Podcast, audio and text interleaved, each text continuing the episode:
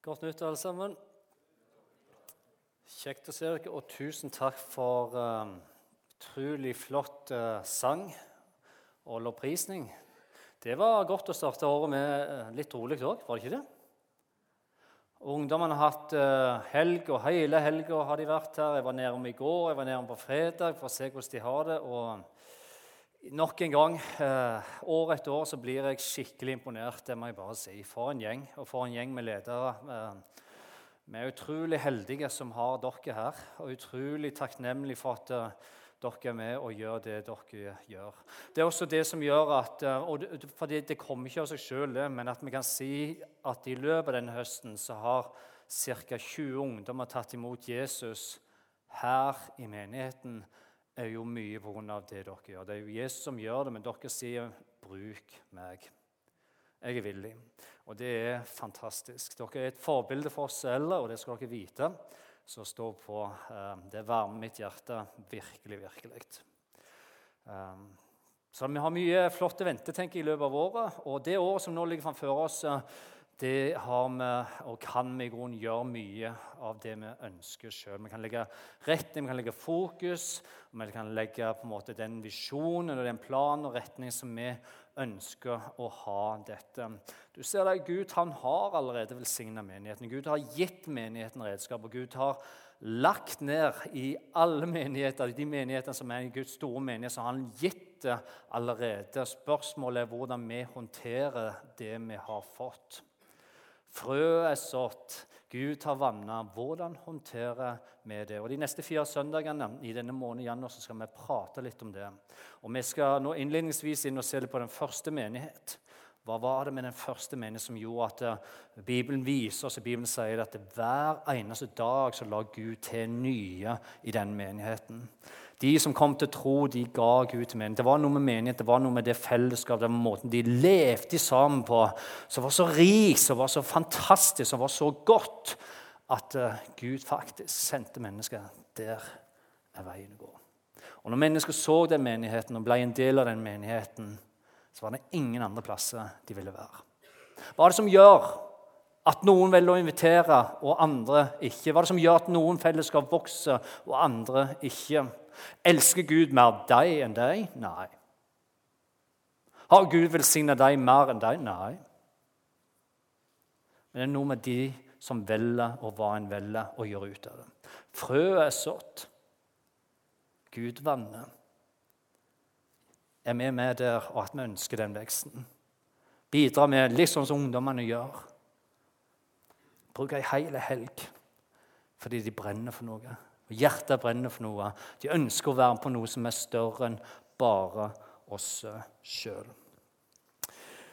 Og vi skal inn i uh, Apostels gjerninger. Vi skal se på den første menighet og der overskriften er 'fellesskap mellom de troende'. Det er på veggen her, det står dette her, De holder seg trofast til apostels lære og fellesskap. Dette er den nye første menighet.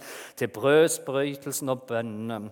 Hver og en ble grepet av ærefrykt, og mange under og tegn ble gjort av apostlene. Så står det alle de troende holdt sammen og hadde alt felles. De solgte eiendommene sine og delte det de ellers eide. Og de delte ut til alle etter hvert som den enkelte trengte. Og Så står det videre dette her, at hver dag så holdt de trofast sammen på tempelplassene.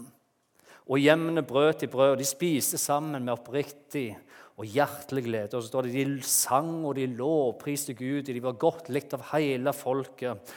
Og så står det og hver dag så la Herren til nye som lot seg frelse. Og Grunnen til at Herren la til nye hver eneste dag til denne menigheten, var fordi menigheten valgte å leve med Gud og sammen på en måte slik at det var mulig. Med andre ord, kulturen de sammen i Helligånd bygde uke etter uke etter uke, gjorde at de valgte å invitere mennesker med. Den hemmeligheten som jeg bærer på, det livet som jeg får tak i, kan jeg ikke holde tilbake. Jeg er nødt til å invitere venner inn i det. Jeg er nødt til å gi beskjed til arbeidskollegene. Jeg er nødt til å la familien min bli en del av det. Fordi de visste at hvis jeg inviterer, så vil det være noen som ser dem. Hvis jeg inviterer, så er muligheten veldig stor for at Gud kom til å gjøre noe i deres liv. Og igjen og igjen og igjen så ble de nok ganske så overraska hvordan Gud kunne forvandle disse menneskene de var glad i, familien, i vennene. De ble kjempeoverraska noen mange ganger og tenkte ja, det er greit med de, men wow! Også de òg. Totalt forvandla liv. Hvordan kunne Gud forvandle dem? Mennesker fra nabolaget kollegaene på jobben. Og så gjorde han det rett foran øynene deres. Og Hvis det er én ting en virkelig kan si om det første menighet, så er det i hvert fall dette. At forståelsen av at livet bare er en begynnelse, og den livet vi har her, er en kort periode for det som kommer. Forståelsen for det, det lå helt oppi hjertet. Helt oppi tankene. Det kom en evighet, og det kom en fortapelse. La oss bruke den tida vi har her nede til å hjelpe hverandre.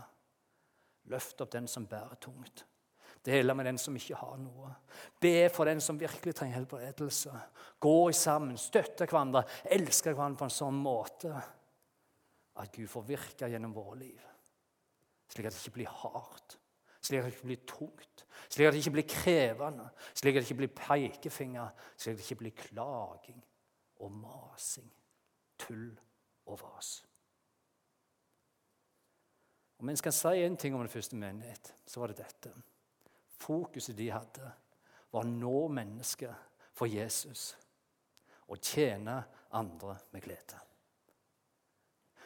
De ville nå mennesker for Jesus, og de ønsket å tjene hverandre med glede. Og Den første verdien som var helt sentral, for, som vi også skal snakke om i dag, for vi skal dele opp i fire Det er fire verdier her i første menighet som vi skal se på disse fire søndagene. Den første var tilbedelsen. Og Det handler om lovprisning, det handler om det med Jon etter, Det handler om låsinger og lytte til sangen. Men det handler også om mye, mye mer enn det.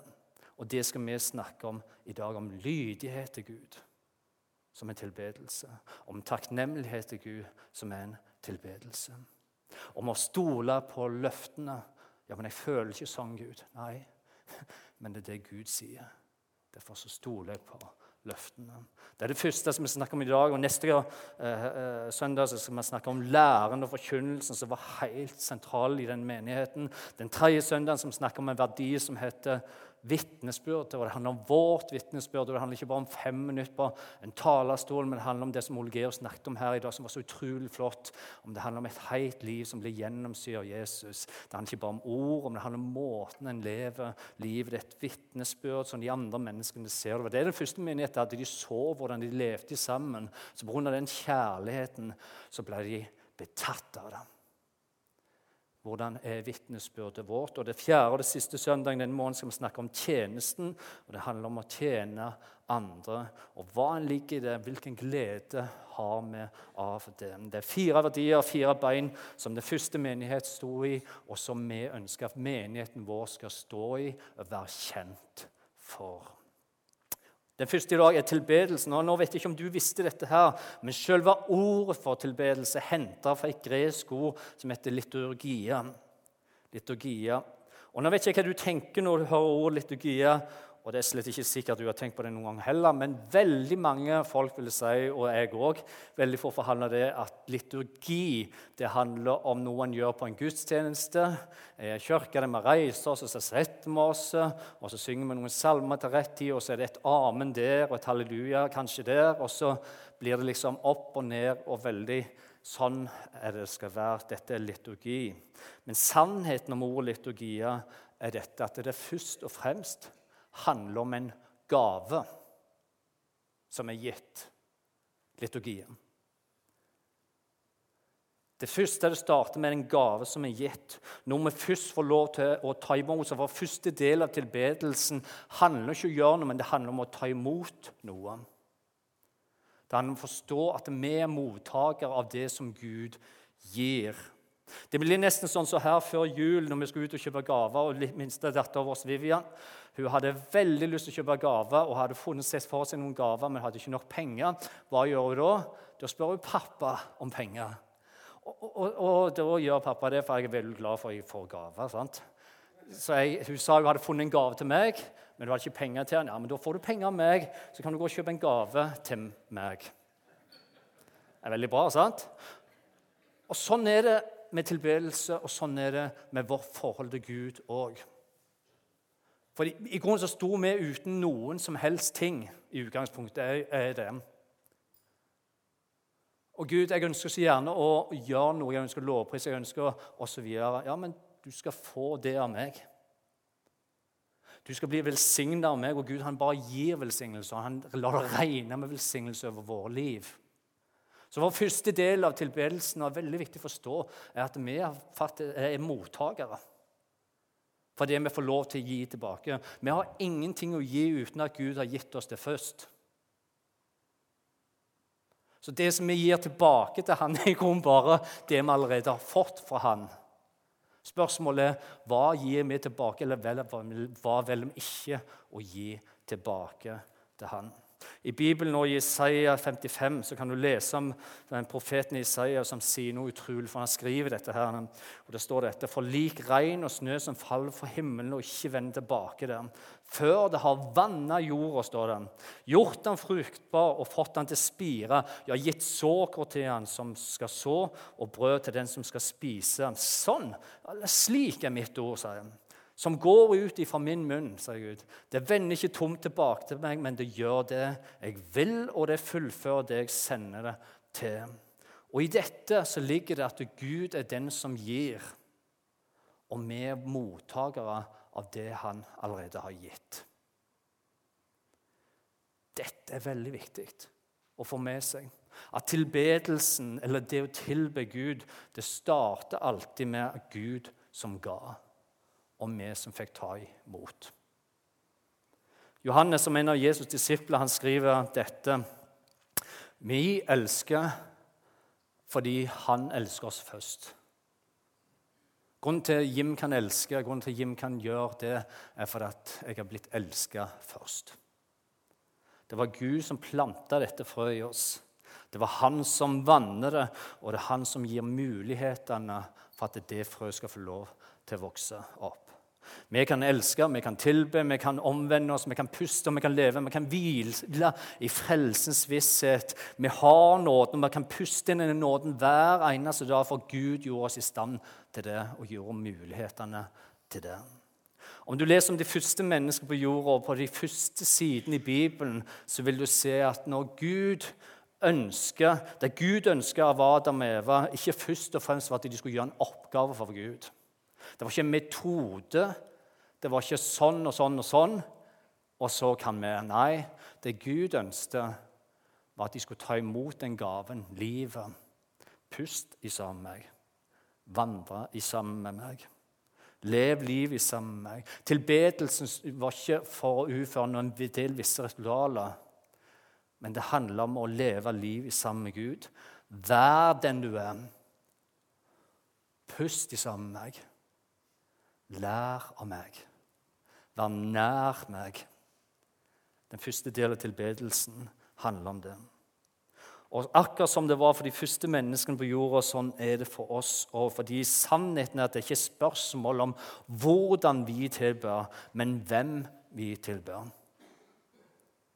Hvem er han for deg?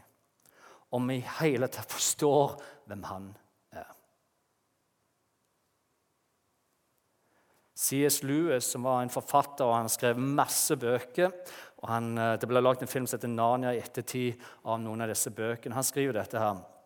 Jo mer vi lar Gud ta over, jo mer blir vi oss selv. Hvorfor? Jo, fordi det var jo han som skapte oss. Jo mer vi lar Gud ta over vårt liv, jo mer blir vi oss sjøl. Hvorfor det? Fordi han skapte oss, han vet hvordan dette er, og han kjenner oss. Hele sentrum i tilbedelsen er vår overgivelse. Det er din og min overgivelse til Gud. Overgivelsen som kanskje ikke er det mest populære ordet i 2019, men som er helt, helt nødvendig for å finne hvile, for å finne fred, for å finne glede og styrke i Gud. Det var sånn for de første menneskene på jorda. Og det er ennå slik for oss. Fordi tilbedelsens kjerne er dette her, at vi aksepterer Guds tanke for vårt liv. Vi aksepterer at det er Han som er giver. Vi aksepterer Guds veier for vårt liv. Fordi Han er Gud, og Jim er ikke. Og Den eneste måten vi kan få del i hans tanke, det er faktisk å ydmykt bøye våre hjerter, bøye våre liv, for å være mulighet til å ta imot det Gud ønsker å gi. Vi sier ofte dette her, og jeg har sagt det sjøl i preikener og jeg har folk si det, at jeg ble frelst når jeg fant Jesus. Jeg ble frelst når jeg fant Jesus. Men sannheten er i grunnen den at det var han som fant meg først, og ikke jeg han. Det var han som fant meg. Det var han som falt i kne. Det var han som kravla og slepte seg framover på vei opp til Golgata på Bostein med korset på ryggen. Det var han, og det var ikke meg. Det var han som ble piska. Det var han som falt igjen og igjen, og som trengte hjelp til å komme helt opp. Blodig forslått, på veien til døden og til veien til dødsriket, helt alene, uten Guds hjelp. Det var han. Slik det måtte være i møte med djevelen for å kunne kreve tilbake og gi oss muligheten til det livet vi får lov til å leve i dag. Det var han som måtte leve det livet og dø for at jeg skulle få et liv med frihet. Det var han som fant meg og deg først. Og nå sannsynligvis ikke en stor overraskelse for deg, og ikke for meg heller. For jeg kjenner på det sjøl. At det er mange menneskers største problem når det kommer til overgivelse, er det når det kommer til penger. Og Noe av grunnen til dette er at en tenker at jo, en vil leve for Gud, men en vil også tjene nok penger, slik at en kan få leve et godt liv her med overflod mens jeg ennå er her på jorda. Og Jeg sier ikke at det er feil å være rik, og jeg sier ikke heller at det er feil å ha bankkontoene fulle og tjene Gud med glede. Det kan du gjøre. Det går veldig fint, og det er ingen problem så lenge Gud får den oppmerksomheten, den tilbedelsen i det, som han har bedt om. At vi lydig tilber med takk, for vi forstår at vi er bare mottakere.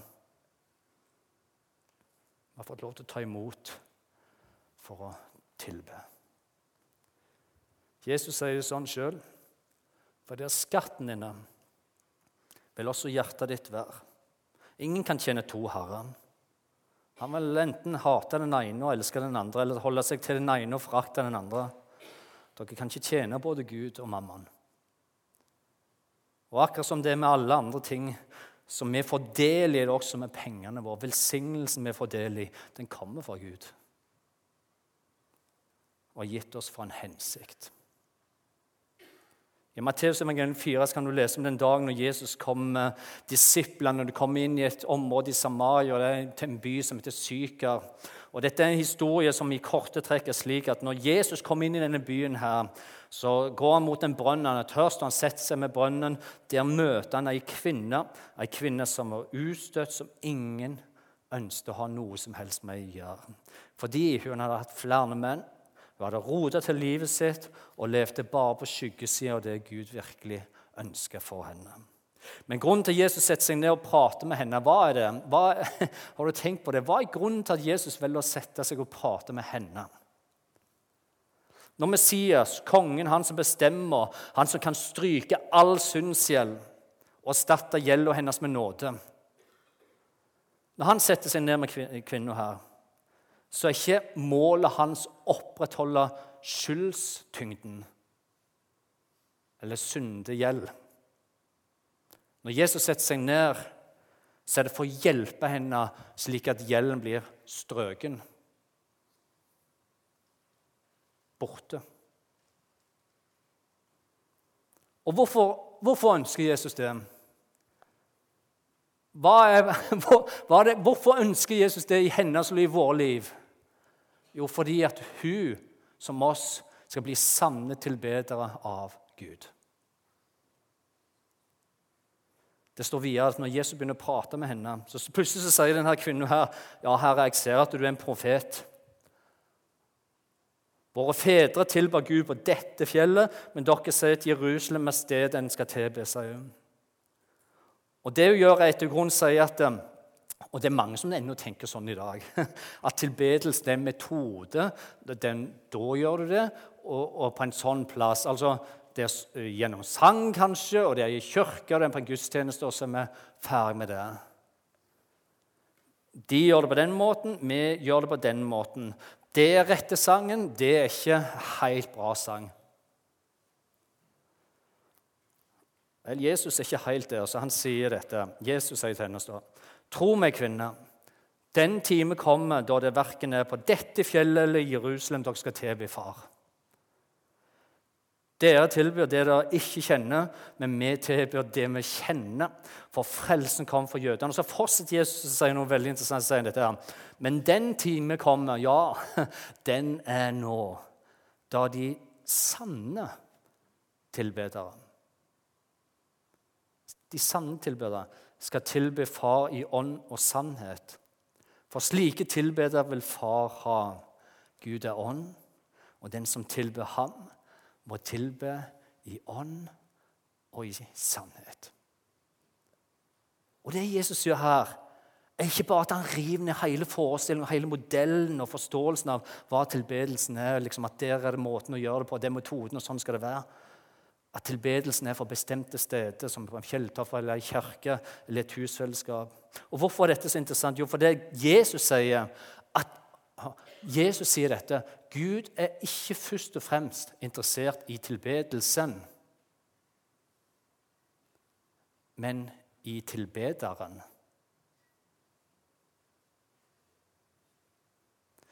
Fordi Gud ønsker sann tilbedelse. Så det handler ikke om den sangen. Det handler ikke om den metoden. Det handler ikke om den veien og måten å gjøre det på, men det handler om den som står bak det. En sann tilbeder. Det mest alminnelige feil mange kristne gjør av tilbedelse i dag, tenker jeg at de søker opplevelsen istedenfor å søke Gud. En søker Guds hender istedenfor å søke Guds ansikt. Eller sagt med andre ord en definerer gudsnærværet på følelse og opplevelse istedenfor tro at Gud er like nær uansett hva jeg føler eller ikke. Det møtet er like godt som det møtet. Ja, men jeg følte så bra. Jeg kjente Guds nærvær. Ja, Gud er like nær på det møtet som det møtet.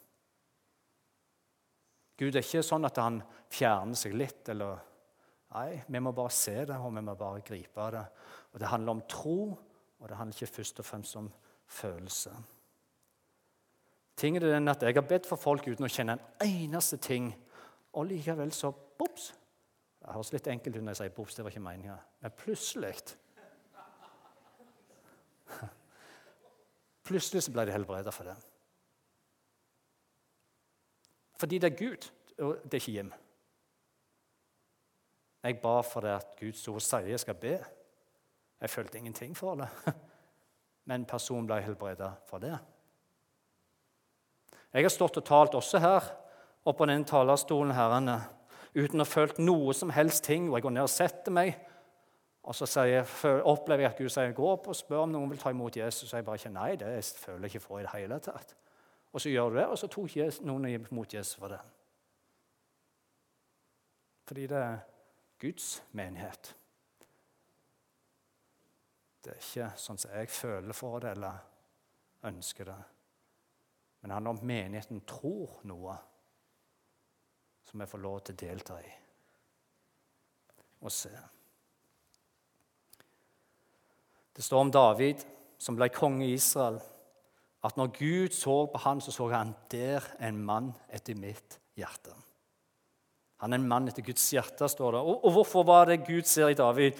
Hva er det han ser i David? For når, når jeg leser om David, kan være du gjort det, når vi leser om David, så det skal du ikke lese lenge før du forstår at David han var en mann med en del utfordringer. Han var en mann som gjorde en del store feil, en mann som falt igjen og igjen, faktisk. Og som var like fort oppe på toppen av fjellet som han var nede i dalen. Les gjennom salmen og se. Han bretter livet sitt ærlig ut. En ærlig tilbedelse, vil jeg si. Fordi Samtidig som en mann som gjorde alt det som en leser, så var David en mann her som valgte å bøye kne og erkjenne ja, du er Gud, jeg er menneske. Tilgi meg. Og Han valgte å bøye kne, og han valgte å komme tilbake til Gud igjen og igjen og igjen. og igjen. Du er en mann etter mitt hjerte, sier Gud.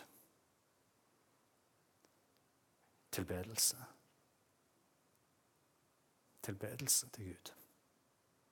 Jeg kommer igjen og igjen og igjen. Bruk meg om du kan, Gud. La meg få være den som betyr noe for andre, hvis du ønsker det, Gud. I Salme 51, 8, så sier David sjøl.: Se, du gleder deg over sannhet i mitt indre.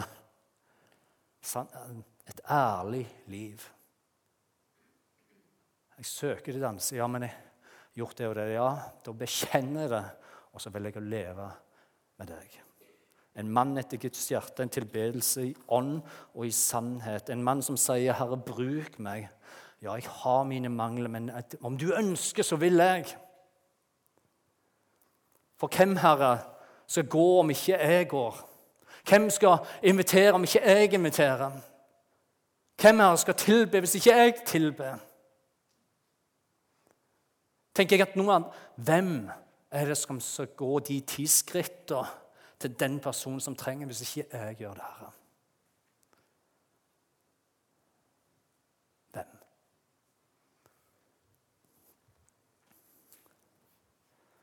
David han lagde mange salmer og han lagde mange sanger. Ja, Han vant mange kriger, og han ble kjent som den store krigerkongen for alle hans seire. Men det var ikke først og fremst det Gud så. Hvis man kan bruke det ordet suksess, det er kanskje litt feil, men suksessen til David kom jo ikke pga. at David var David, men det er pga. at David gjorde noe sammen med Gud før. Og det handler om tilbedelse med hele sitt liv. En ærlig tilbedelse. Det Gud så, var en ærlig mann. Der sentrum i hans liv var tilbedelsen. Bruk meg, Gud. Bruk meg. La mitt liv få ære deg. I Hebrevet 11 så skal vi snart slutte, der kan vi lese om trosheltene. Og Vi leser om Noah som trodde på Guds løfte. Selv om det skulle gå 100 år, så, så trodde Noah så takk til noe. Vi leser om Abraham som trodde på Guds løfter, som tok med seg kona Sara og flytta i lydighet, var hans tilbedelse til Guds ord. Og Vi leser om Isak som i tro velsigner sønnen Jakob. Vi leser om Josef som på slutten av livet sitt så får seg Israels utgang av Egypt. Og vi leser om Moses som kom og som befridde Israel, og de kom ut fra Egypts fangenskap. Og Moses han nekta å nyte synden i Egypt, står. Han ville heller bli vanner og heller bli utstøtt, bare han kunne få lov til å gjøre det som var rett i Guds øyne. Og Det er mange mange som følger etter disse trosheltene. Og Mitt poeng er ikke å sammenligne oss med noen av dem, men heller se på dette. Hvor utrolig forskjellige disse menneskene var. Det var ikke en rett metode eller måte eller sånn må du være, eller sånn skal du være. Nei, det var utrolig forskjellige personligheter med sin personlige tilbedelse. Og akkurat som de så må ikke vi begrenses av uttrykk, sted eller metode. For noen av oss elsker naturen. Vi er skapt sånn at når vi kommer ut i naturen, så blir vi inspirert, og vi finner glede, og vi finner takk og lovprisning når vi er ute i naturen. Andre av oss er følelsesmennesker. Vi setter pris på å møte Gud gjennom vår sans og vår følelse. Kanskje David var lett der med følelsene. Andre igjen er tradisjonalister. Vi setter pris på å merke Guds nerver i høytiden, i tradisjonene. Hvor stort det er å ha noen faste holdepunkt. Mens andre av oss kjenner at vi tilber best når vi er alene. I ensomhet. Vi bøyer kne i enkelheten. Andre igjen vi er tenkere. Og vi tilber Gud, vi, og vi dras nærmere Gud. Og vi beundrer Gud når vi ser hvor komplekst og stort ting er. Og vi bare elsker å ikke forstå det helt, men vi tenker på det for det. Noen av oss er tenkere, andre er entusiaster. Og vi elsker å tilbe Gud når vi feirer og vi synger sammen. Når vi hører menigheten synge, da er det godt å tilbe Gud. Når låsanslederen lukker munnen, og han trekker seg for mikrofonen, og han hører menigheten synge sammen, da Ingenting er som da for entusiasten. Og noen tilber Gud være det intellektuelle. Vi elsker å studere Guds ord. Og vi elsker å bruke forstand. Vi ikke elsker når det knaker liksom mest rett før røyken kommer gjennom hårrøttene. Og vi sitter og tilber Gud der. Det er sant? Og dette er viktig.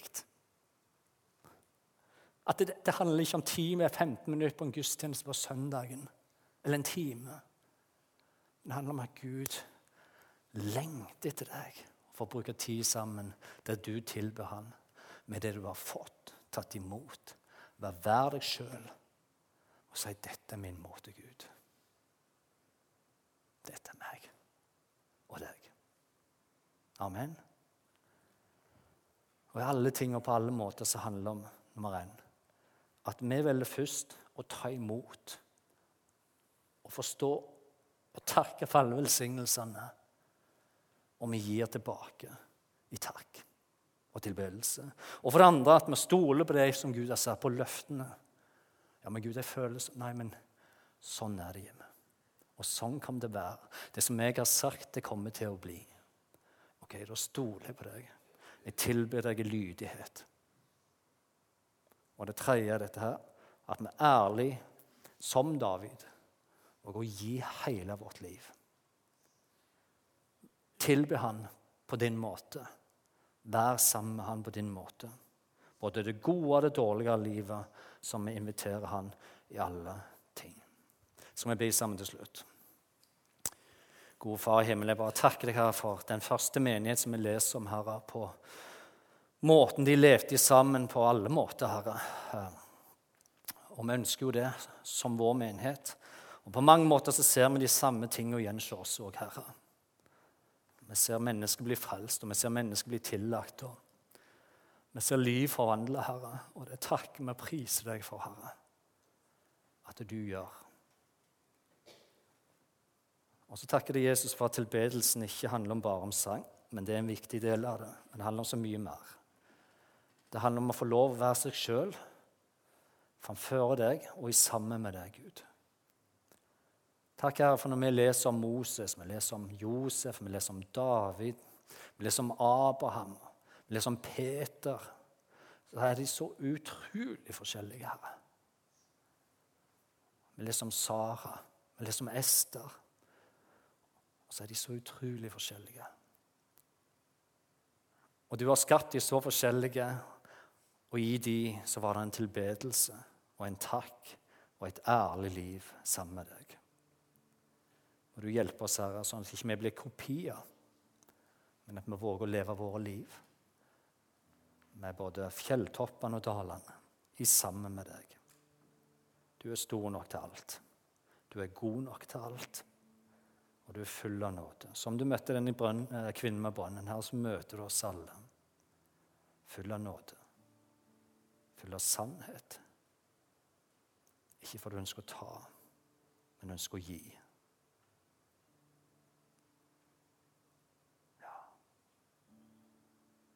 De neste minuttene så gir vi til deg, far. Må du møte oss, Herre.